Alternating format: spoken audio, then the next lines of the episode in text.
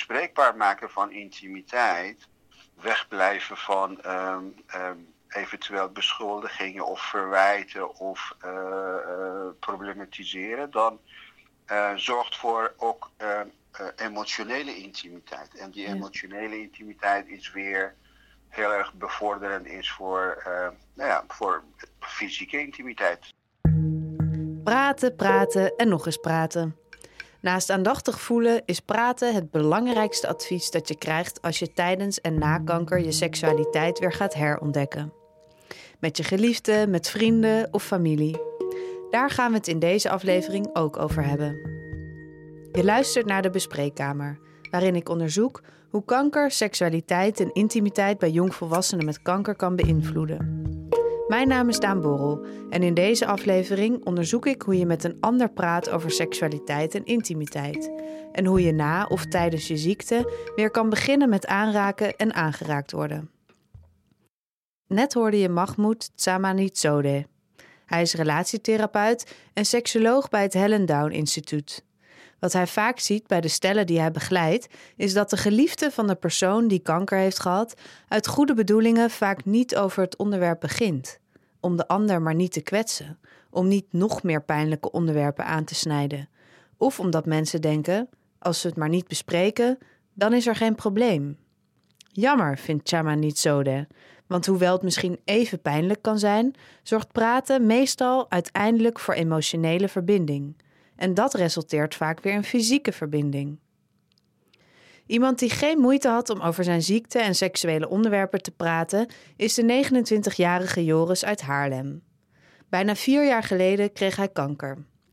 Nou ja, hij had er geen moeite mee om er open over te zijn op zijn blog en met vrienden en familie. Niet per se met de dates die hij had. Hij kijkt nu een beetje bevreemd terug op die periode. Maar toen hij behandeld werd, deed hij er juist alles aan om te doen of er niks aan de hand was.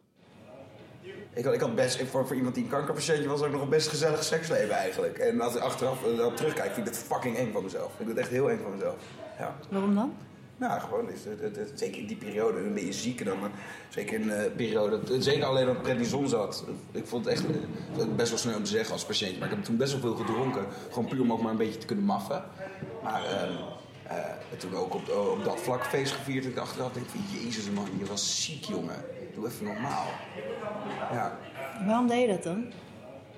Ja goed, waarom doen überhaupt mensen dat? Ja, dat is een gevoel. Uh, waarom hebben mensen een one-night stand? Ja, ja dat dingen gebeuren gewoon. Ik weet niet, ik denk dat mensen om verschillende redenen one Ja, fair enough, fair enough. Nou, bij mij, bij mij was het... Even af, daar ben ik... Daar ben, ik ben er überhaupt niet zo vies van. Maar zeker toen, ik dan denk van in die periode... Ehm, ja, dat, is raar. Dat is raar. Dat je, je dan de, ene week, uh, ene week aan uh, zes uur aan de chemo moet zitten, je, je haar verliest. En de andere week uh, een beetje een feest bezig zitten uithangen. Dat is een heel raar contrast. Daar kan ik me zelf nog steeds niet bij. Dus eigenlijk is het een soort vervreemding als je daaraan terugdenkt. Ja, zeker. Ja, goed, ik kan, ook, ik kan ook een beetje, een beetje geestig om lachen hoor. Dat ook alweer. Het, is niet, het is niet zo dat ik mijn ogen uit mijn kop schaam omdat ik wat ik toen heb gedaan. Helemaal niet. Maar maar weet je niet meer waarom je daar toen zo'n behoefte aan had? Ja, nou ja, goed. Uh, ik, ik, heb er ook, ik, heb ook heel veel over, ik heb er ook heel veel over geschreven. Het is, uh, ja, je zoekt een soort van bevestiging. Uh, het kan, bestaat ook nog dat je doodgaat. Dus dan een beetje dat lang levende lol-knopje, dat gaat, dat gaat snel om. Ja.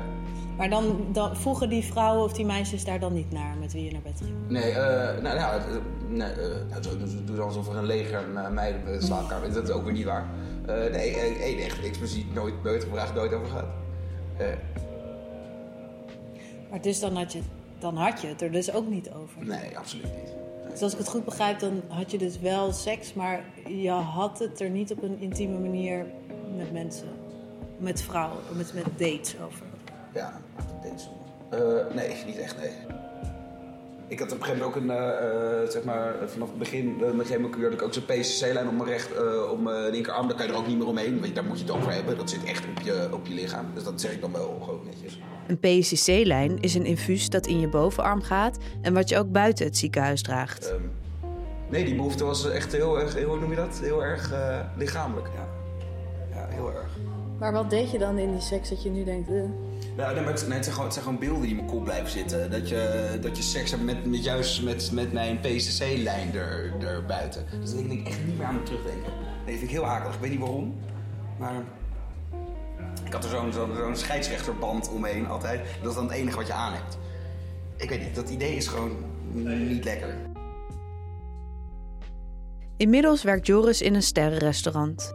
Maar voor zijn ziekte werkte hij nog in de kroeg op het grote plein in Haarlem waar we hebben afgesproken. Af en toe hoor je iemand voorbij lopen of wat muziek op de achtergrond. Maar dat weerhoudt Joris niet van praten over gevoelige onderwerpen. Vier jaar geleden, toen hij nog in de bediening bij een strandtent werkte, viel hij soms flauw. Hij had ook een grote bobbel ter grootte van een tennisbal op zijn borst. Hij dacht zelf dat dit van het bedienen kwam, maar het bleek dus kanker te zijn. Door de chemobehandeling gingen zijn hormonen naar de kermis, zoals hij zelf zegt, en werd hij misselijk en rusteloos. In de weken dat hij geen chemo had, was hij zweterig en trillerig. Het meest frustreerde hem dat elke dag zo anders was. En de prednison die hij moest slikken verhoogde zijn libido enorm. Ja. En waarom was het dan ook moeilijk voor mensen om je heen? Ehm, ik, heb nog, ik heb even geprobeerd eh, te daten in die tijd. Nou, en dat echt met een heel leuk meisje. En achteraf heb ik daar zo'n naar gevoel aan overgehouden. En ik weet eigenlijk niet zo goed waarom. Het was... ehm, seks was sowieso heel moeilijk. En dat had ik, nee, dat had ik helemaal niet... eh, Want wacht even, wanneer ontmoette je haar? ik, eh, ze was een collega van mij op het strand. Dat was al een tijdje. En, eh, ehm, maar eigenlijk pas een beetje, een beetje int- intiem mee gaan daten toen ik, toen ik al ziek was. En dat is op zich best prettig. Dan kon iemand gezellig bij je bij het ziekenhuis. Dus eh, dat, dat, dat, weet je, dat is prima. Eh, nog steeds, eh, nog steeds geen, geen, we hebben nog steeds geen vervelende relatie. Maar op dat moment, je kan niet in zo'n periode een, een relatie starten. Dat is echt niet, niet, niet wenselijk. Want waarom niet dan? Ehm, er zijn bepaalde dingen die, eh, die terugkomen die ik tijdens mijn kuur heb gehad, die ik nu niet meer kan zien of ruiken. Ik heb uiensoep gegeten terwijl ik mijn chemokuur krijg, kan ik, niet, kan ik nu, drie jaar later, kan geen uiensoep meer ruiken. Dan in één keer word ik eh, ziek misselijk. Eh, ik heb met haar altijd een bepaald ijsje in het ziekenhuis gehaald, die, die paar keer dat ik een kuur Ik kan dat niet meer zien. Het is gewoon een klik in mijn hersenen die er dus blijkbaar niet uitgaat. Ehm, en dat soort aversie eh, heb ik ook een beetje gekregen met, met dingen die ik met haar deed. Dat, is heel, dat, werd heel, dat werd heel ingewikkeld. Het wordt in mijn hoofd heel ingewikkeld. Misschien als jullie wel een relatie waren gestart, eh, dat je dan aversie tegen haar kreeg, omdat zij heel- daar ja, te maken ja, nou, ja, wel- wel Ja. echt, ja, of op een, een manier. Het is nooit zo serieus eh, geworden in die periode. Ik merkte toen al aan mezelf, dit is niet verstandig. Maar het is achteraf wel heel dom. Eh, Ik zeg, ik zeg nu nog steeds, dat is wel het meisje wat ik echt heb laten liggen. Dat is echt heel dom dat ik dat toen eh, besloot om dat te proberen. En dat is wel, dat is wel sneu. Dus jij zegt, ik had er eigenlijk mee moeten wachten tot ik beter Ja, dat weet je dan niet. Iedereen waarschuwt je ook voor van alles en nog wat, van die ook eh, hetzelfde hebben meegemaakt. En alle clichés daarin zijn, zijn natuurlijk ontzettend waar. Maar kon je het wel toelaten dan met haar om Heel erg. intiem te zijn? Ja, wel, tuurlijk, ja, Ja. absoluut. Nou, voor de rest ook. Ik heb het niet. ik, was, ik was zo. Ik, ik- mijn schaamtelevel is niet zo ontzettend hoog. Dus ik ook taboe doorbreken dat maakt me niet zo heel veel uit. Nee. En. eh, Kijk, ik weet, nog, ik weet nog goed dat ik op de operatiekamer lag en die klieren die waren opgezwollen. Kon je heel goed eh, echt voelen en zien. En bij Melise ook. Er een batterij aan co-assistenten van, eh, zei de arts, ja, mogen we, mogen we even bij je voelen, want dit is wel iets wat we, wat ons... Ik zei, ja, natuurlijk, nu geen schaamte meer, mij, kan mij echt helemaal niks schelen. Dus nee, dat, zo zat ik er ook in met, eh, met, met, met intimiteit. Het maakt mij niet zo, niet zo heel erg veel uit, lichamelijk. Lichamelijk en geestelijk? Ja, dat is een ander verhaal. Ja, dat is een ander verhaal. Kun je daar iets over vertellen? Nee, ik, ja, ik kan er wat over vertellen. Ik weet niet of ik een heel duidelijk, duidelijk antwoord heb. Als ik aan terugdenk ben ik nog steeds heel erg verdrietig... omdat er niks pijnlijks in die periode eh, is gebeurd op dat, eh, op dat, op dat gebied. Maar kon je dat dan met haar Nee, delen? nee, ze was ook een stukje jonger dan ik. Dat nee, maar ik, wist, ik, wist toen, ik wist toen ook niet hoe ik me voelde. Ja. Dus dat is, dat, is, heel- dat, is heel, verve- dat is heel vervelend. Als je el- elke dag anders voelt, dan kan je het ook niet onder woorden brengen hoe dat op, op, op je lichaam werkt. Ik kon ook toen niet uitleggen waarom seks niet lukte. Ik kan besef het nu heel erg goed, maar ik kon het, ik kon dat toen niet uitleggen. Je, weet, je, je hebt geen idee hoe je hoe je voelt in die periode. Want nu, wat kan je nu dan wel uitleggen wat je vroeger niet kon uitleggen? Hoe zou ik het nu uitleggen? Nou, precies wat ik, wat ik nu tegen jou zeg. Dat, eh, je kan niet bouwen op iemand die, die zich elke dag door medicatie anders voelt. En ook met, met iets heel anders bezig is, namelijk gewoon overleven. Dan, ja, die ga ik een beetje in clichés praten natuurlijk. Maar eh, nee, ik, nee, ik kan nog steeds niet, kan nog steeds niet goed verwoorden eigenlijk. Wat ook niet hielp, is dat eigenlijk niemand in het ziekenhuis met hem openlijk sprak over deze onderwerpen. Over de ervaring om gedwongen spermacellen in te vriezen, of over de invloed van de medicatie op zijn lichaam en seksualiteit. Dat, eh, is echt gewoon een puntje. En dat is, eh, daar- word je best wel onzeker van en, en vervelend. En, maar als je niet op zo'n level zit met, met een arts dat je het echt wil hebben over je gevoel. Dat wilde ik ook echt niet met, eh, met die dame. En dat ja, ja, dat is, ja, dan laat je dat medisch maar in het midden. En voor je gevoel heeft het ook. Ik praat mezelf altijd aan, dat heeft helemaal geen prioriteit. Zorg dan gewoon dat je beter wordt.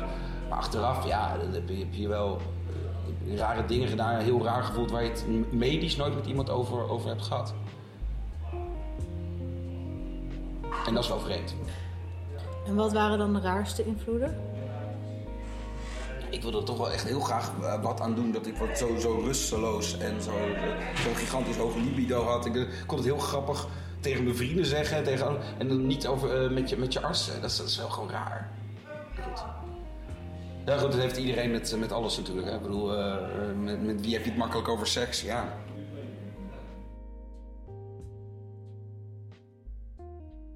Na de chemo sloeg het met zijn seksualiteit juist volledig de andere kant op.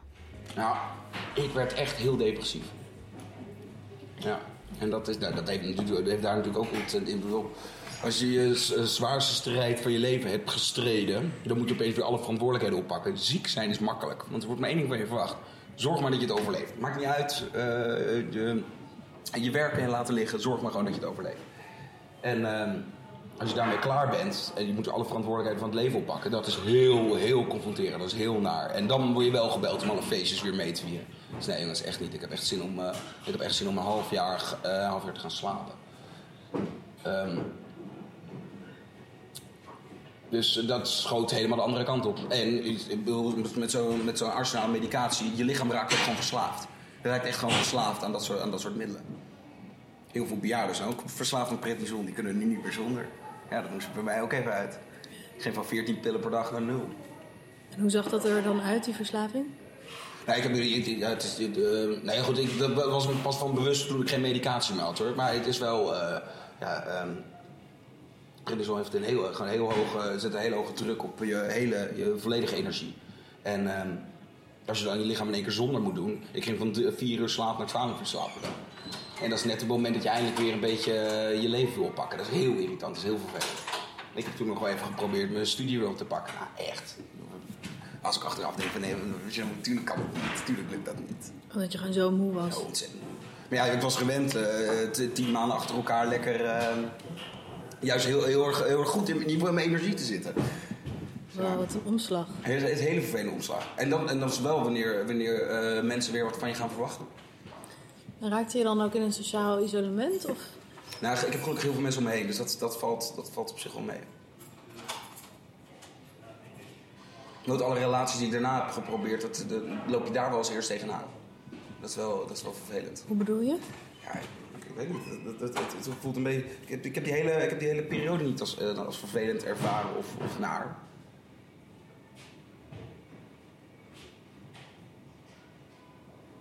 Het is, nu- het is nu 3,5 jaar geleden. en Ik weet niet of het toeval is dat ik nog steeds single ben. Waarom dan? Ja, ik denk wel dat dat daarmee te maken heeft. Hoezo- Want elke keer als er iets gebeurt, dan... Nou, nee, ik, heb, nou, nee, ik weet niet. Ik heb een soort onbewuste afstand, hou ik altijd wel af. Wat ik heel raar vind, want dan zit ik helemaal zelf niet zo, zo in elkaar. En hoe ziet die afstand eruit? Weet ik daar goed antwoord op. Ik heb, ik heb mezelf aangeleerd heel erg lekker laks in het leven te staan, zeker in die periode. Want dat moet er gewoon lekker met, met, met bevlogen luchtigheid. En eh, ik, ik, ik, merk, ik merk dat ik dat nu met, echt, echt met alles doe. En dat is, dat is niet handig. Dat is niet handig, professioneel niet, ook met relaties niet. Maar het lijkt alsof je zegt, na die tien maanden werd het, sloeg het eigenlijk helemaal om. Na, die, na de behandeling. Ja, dat, ja. Ja, maar dat is gewoon, dat, ja, ik dat een, Maar dan lijkt het net alsof je toen... Maar je zegt, het was alleen een soort moeheid, die laksheid. Of, Die laks had ik altijd wel. Die had ik altijd wel een beetje. Dat, is, dat is niet. Eh, Eh, nee, maar ik denk, dat, eh, ik denk dat die periode daarna, zeker dat jaar daarna, dat is gewoon een, een, in mijn ogen een depressie die erbij hoort. Ik denk dat, ik denk dat, ieder, ik denk dat iedereen dat heeft in, in zo'n periode. En daar heeft iedereen me ook voor, voor behoed. En daar doe je natuurlijk niks mee. En, eh, Een soort pauzestand eigenlijk. ja, zeker. Niet wel nodig. En dan ga je, heb je niet echt behoefte aan relaties, of juist wel. Nee, ik niet. Nee, ik, ik, ik, dat ik, eh, ik probeer altijd iemand te zijn die, die, meer, die meer geeft dan dat hij dan dat hij krijgt. En als je het gevoel hebt dat je, niet, mm, dat je helemaal niks kan geven, nee, dan... Nee, ik wil niet, ik wil niet iemand zijn die verzorgd moet worden. Is dat, dan, is dat wat je eng vindt dan in een relatie? Kan. We praten nog even door over het eventuele verband tussen de kanker en het vermogen om intimiteit toe te laten. Joris zegt dat hij het niet weet of dat het verband er nou echt is. We komen er niet uit. Waarom is het eigenlijk zo lastig om over seksualiteit en intimiteit te praten? Volgens relatietherapeut Chamani Chode is het zo lastig omdat we intimiteit vaak als uiting van liefde zien. En als de seksuele intimiteit wegvalt, kan het lijken alsof ook de liefde wegvalt. Alleen door erover te praten, door de verandering te accepteren, kun je pas zoeken naar alternatieven. Volgens Marije Jansen, educator op het gebied van aanraking en communicatie over seksualiteit, is praten over seksualiteit en intimiteit ook lastig omdat je vaak iets wezenlijks van jezelf laat zien. En dat is kwetsbaar. Omdat Jansen voor haar podcast en workshops constant met anderen over seksualiteit praat, zowel met experts als met haar moeder, vraag ik haar hoe je een gesprek over seks of seksualiteit begint. Door er gewoon over te beginnen, denk ik. Ehm, ja. Ik denk door erover te beginnen en eh, in de podcast, maar ook in andere dingen die ik heb gedaan omtrent seksualiteit, waar ik met mensen in gesprek ging, of dat nou een workshop was of een discussieavond of deze podcast, is in eerste instantie een plek creëren waar mensen het gevoel hebben dat ze er kunnen zijn zoals ze zijn. Dus echt een veilige plek creëren waarvan ehm, mensen iets hebben van, oh, maar als ik dit zeg, word ik niet afgerekend. Of ehm, eh, ik word niet fout gemaakt om mijn verlangens. Of ik word niet fout gemaakt en mensen gaan me niet afkeuren omdat ik misschien wederom afwijk van een bepaalde norm. Dus echt mensen heel erg het gevoel geven van, hé, je mag er zijn zoals je bent. Ik denk dat dat ehm, de essentie is. Maar denk je dat dat moeilijker is met iemand met wie je bijvoorbeeld in een relatie zit? Of vrienden? Want ik kan me voorstellen, ja, als je iemand niet kent, dat je makkelijker. Het gaat niet over, over mijzelf, zeg maar. Als jij iets vertelt over je seksualiteit. Terwijl als je misschien in een relatie zit, dan Ja. kan ik bedenken dat het wel over mij gaat. Ja, een relatie natuurlijk is, het, is weer een, ja, niet een weer een heel ander verhaal. Maar het is wel een ander verhaal, omdat je natuurlijk ook gewoon... Je bent in relatie met elkaar en daar zitten allebei... Je hebt geschiedenis met elkaar en je hebt een leven met elkaar, op wat voor manier dan ook. Dus, eh, en je neemt jezelf ook mee. En inderdaad, als ik met iemand voor de podcast ga praten, dan is dat makkelijker. Want we hebben niet, meestal, ik doe ook met mijn vrienden, die, die spreken ook af en toe. Daar zit, maar meestal heb ik niet een hele grote geschiedenis waar voor mij ook allemaal gevoelens bij zitten. Dus met een partner is dat anders. Maar ook daar merk ik, om, als je elke keer toch weer terugkomt bij van... hé, hey, jij mag er zijn zoals je bent, ik mag er zijn zoals ik ben. We, gaan, eh, we nemen de moeite om ruimte te nemen voor elkaar, om elkaar te horen. Ehm, en, da- en dat eh, elkaar niet eh, slecht te maken over diens verlangens. Dat betekent niet dat je alles hoeft te accepteren en dat je moet zeggen van... oh, maar ik vind het allemaal prima wat je wil. Ik bedoel, als jij moeite met bepaalde dingen hebt, dan is het belangrijk om dat uit te spreken. Maar dat kan ook op een manier dat je zegt van... hé, hey, ik voel dat dit niet mijn... Ik merk dat dit niet mijn verlangen is, maar het is helemaal oké dat jij dat hebt, bijvoorbeeld. Ja. Dus voordat je gaat praten, eigenlijk eerst bedenken: ehm, we mogen er allebei zijn wat we hebben. Ja, Ja. dat is wel mooi. Ja. En soms ook vragen, wat ik ook nog wel doe met mijn eigen partner, maar ook van wat ik mensen aanraad, is van hey, van tevoren even checken van is er iets wat je nodig hebt op dit moment van mij? Vind je het fijn om extra even te horen dat ik je super lief vind? Of dat ik van je hou? Of dat ik bij je blijf? Weet je, we hebben allemaal onze angsten in onze relatie die we meenemen. Dus het kan soms ook heel fijn zijn van tevoren, als je een spannend gesprek ergens over aangaat, van nou, ik wil het nu eens even over iets hebben wat, eh, wat dichtbij ligt, wat ik spannend vind, mijn seksualiteit of mijn verlangens. Om te zeggen van hé, hey, wat, wat heb je van me nodig? Of wat kan ik je geven? Om, eh, om je goed te laten voelen. Ja, Ja. mooi. Maar dat, dat vind ik heel mooi klinken. Maar ik denk dan ook meteen, dan moet je al zo dicht ook bij jezelf staan om te weten waar je behoefte aan hebt. Mhm. Om te zeggen van nou, ik heb wel eh, behoefte dat je inderdaad even zegt dat je me heel lief vindt of zo. Ja. Ja. Want dat is ook weer heel kwetsbaar om te zeggen. Ja. Dat je tegen iemand anders zegt, hey, zou je tegen me willen zeggen voordat we dit gesprek ingaan van dat je me heel erg lief vindt of misschien een paar keer tijdens het gesprek. Dat is, eh, ja, dat, dat, eh, dat vraagt wel, het vraagt wel wat. Ja, dat klinkt nu heel makkelijk inderdaad, maar het vraagt wel wat. Ook om jezelf, om toe te, voor jezelf ook toe te staan dat je dat mag, mag vragen. En tegen die ander mag zeggen van, hé, hey, ik vind dit keieng. Vind je me nog lief? Wat het volgens Jansen ook lastig maakt, is dat seks veel breder is dan we vaak leren in onze maatschappij. Voor de een is het een uur lang gestreeld worden over een arm, voor de ander is het kinky en voor weer een ander is het op zoveel mogelijk manieren klaarkomen. Want hoe onderzoek je dan wat, wat seks voor jou is?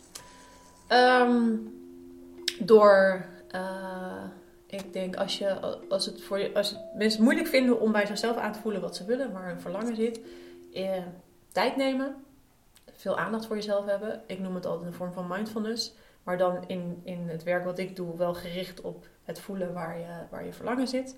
Um, en vooral ook um, liefdevol met jezelf omgaan. En dat is vaak nog een van de moeilijkste dingen. En um, waar ik het ook altijd over heb, is dat seksualiteit niet alleen maar leuk hoeft te zijn, maar dat het soms ook verdrietig kan zijn, of dat het je boos kan maken. Of,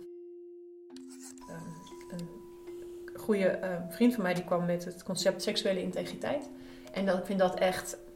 Ik heb heel lang uh, gezeten op sekspositiviteit, dat we plekken moesten creëren, of dat ik dat wilde doen, waar je echt. Waar het ging over genot en plezier, maar je mocht zijn wie je wilde en, en al die dingen. En dat ik op een gegeven moment dacht, ja, maar wacht even, er, dat is een heel wezenlijk deel van seksualiteit. Maar soms is seksualiteit super complex. Of dat je het gewoon niet weet, of dat, het je, dat je er verdrietig van wordt, of dat je inderdaad in een relatie bent waar dat uh, moeilijk gaat. En dat dat voor mij net zo goed um, onderdelen zijn van onze seksualiteit. En dat het soms. Uh, uh, dat het er soms heel anders uitziet dan dat we denken dat het eruit zou moeten zien. Dus die ruimte creëren voor mensen om echt daar en, te realiseren, um, hopelijk een plek te kunnen creëren waar mensen dat ook voor zichzelf kunnen vinden en accepteren. Zo van, oh ja, het hoeft dus niet altijd geld te zijn. Het hoeft niet altijd um, uh, we hoeven niet altijd klaar te komen. Of het is helemaal oké als ik een keer moet huilen. Of dat er andere emoties omhoog komen binnen consent en al die dingen. Weet je, dat je er allemaal, uh, iedereen zich er um, oké okay bij voelt.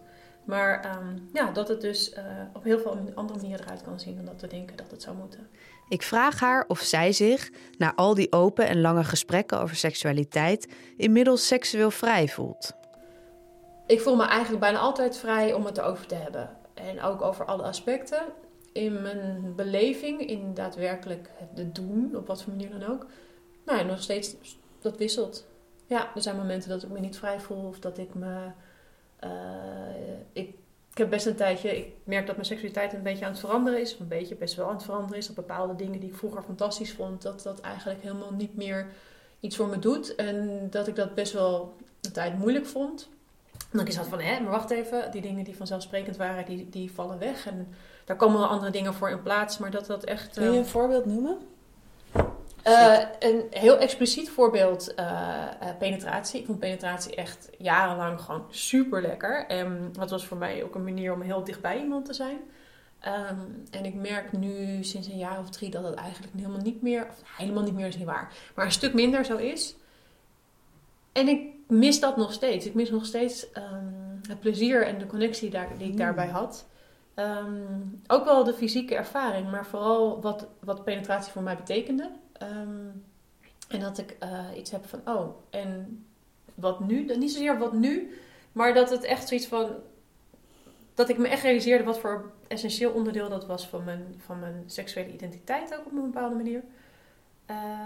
en dat ik echt moest bijstellen. Of, uh, en dat ook moest gaan loslaten. Zo van, hé, hey, misschien is dit niet meer wat, je, wat, wat voor jou een, een onderdeel is. Of niet meer zo als dat eerst was. Ja, ja wauw, wat interessant. Maar dan is het dus enerzijds dat het uh, verlangen daarnaar een beetje ophoudt of zo. Ja. Maar anderzijds het verlangen naar wat het betekende dus nog wel. Ja, ja, ik merk, uh, vroeger had ik, ik merkte gewoon vroeger dat mijn lichaam daar heel erg om vroeg. Dat op een gegeven moment ik dacht, oh, er moet nu wat gebeuren. Um, en dat is helemaal weg. Maar dat het, uh, of helemaal, ja, eigenlijk echt 90% minder. Maar dat het verlangen naar wat het betekent inderdaad, dat dat er nog wel is. hoe doe je dat dat je ehm, voelt dat je iets niet meer hoeft, geen behoefte meer aan hebt, of minder? Mhm.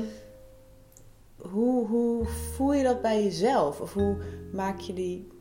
Luister je dan heel goed naar je lichaam? Of Het is gewoon het is een proces. boven? Het is niet dat ik opeens dacht, oh, dit wil ik niet meer. En dat is ook wel diezelfde periode geweest dat ik met de Wheel of Consent begon, waar ik nu dan die workshops op baseer, de aangename aanraakworkshops. En dat gaat ook heel erg over jezelf de tijd geven, heel erg rustig aan gaan voelen, maar wat wil ik nu eigenlijk op dit moment in deze situatie met deze Ja. persoon? En dat het heel vaak eigenlijk iets anders is dan dat je denkt dat je wil. De Wheel of Consent is een handig hulpmiddel om je bewust te worden van verschillende intenties tijdens seks. Als je dit goed voor ogen wilt zien, kun je het beste even Wheel of Consent googelen voor een afbeelding. Volgens Betty Martin bestaat seks uit geven en ontvangen. Begrippen die we allemaal wel kennen, maar seks bestaat volgens haar ook uit nemen en toestaan. Je kunt een seksuele handeling ook bij een ander uitvoeren om daar zelf plezier van te hebben, in plaats van die ander plezier te geven. Dan neem je dus. Stel dat je bijvoorbeeld heel graag aan iemands billen wilt zitten, legt Jansen uit. Dan kun je vragen of je iemands billen mag masseren, in plaats van dat je aanbiedt om de ander gewoon te masseren en vervolgens 10 minuten bij die billen blijft hangen.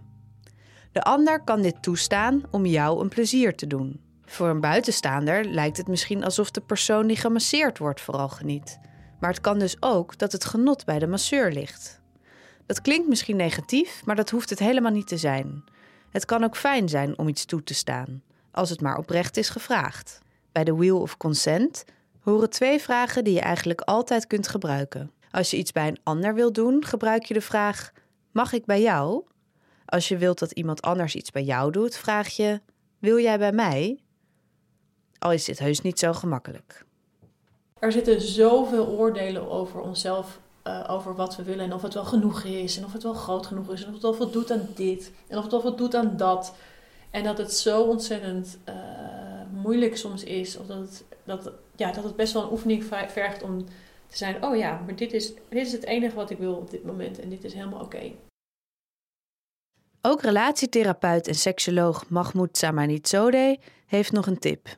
Volgens hem kan het helend zijn om tijdens de seks juist wel de pijnlijke plekken in je lichaam op te zoeken en aan te raken. Ik geef ook mensen oefeningen om een paar keer met elkaar ehm, in hun intieme ruimte, eh, eh, vooral de- partner naar eh, de andere partner die ziek is geweest, gewoon vragen en een soort aanraken, maar ook vragen dat nou, waar heb jij pijn? Hè? Dus je moet je lichaam en het lichaam van een partner ook in sommige situaties opnieuw gaan verkennen.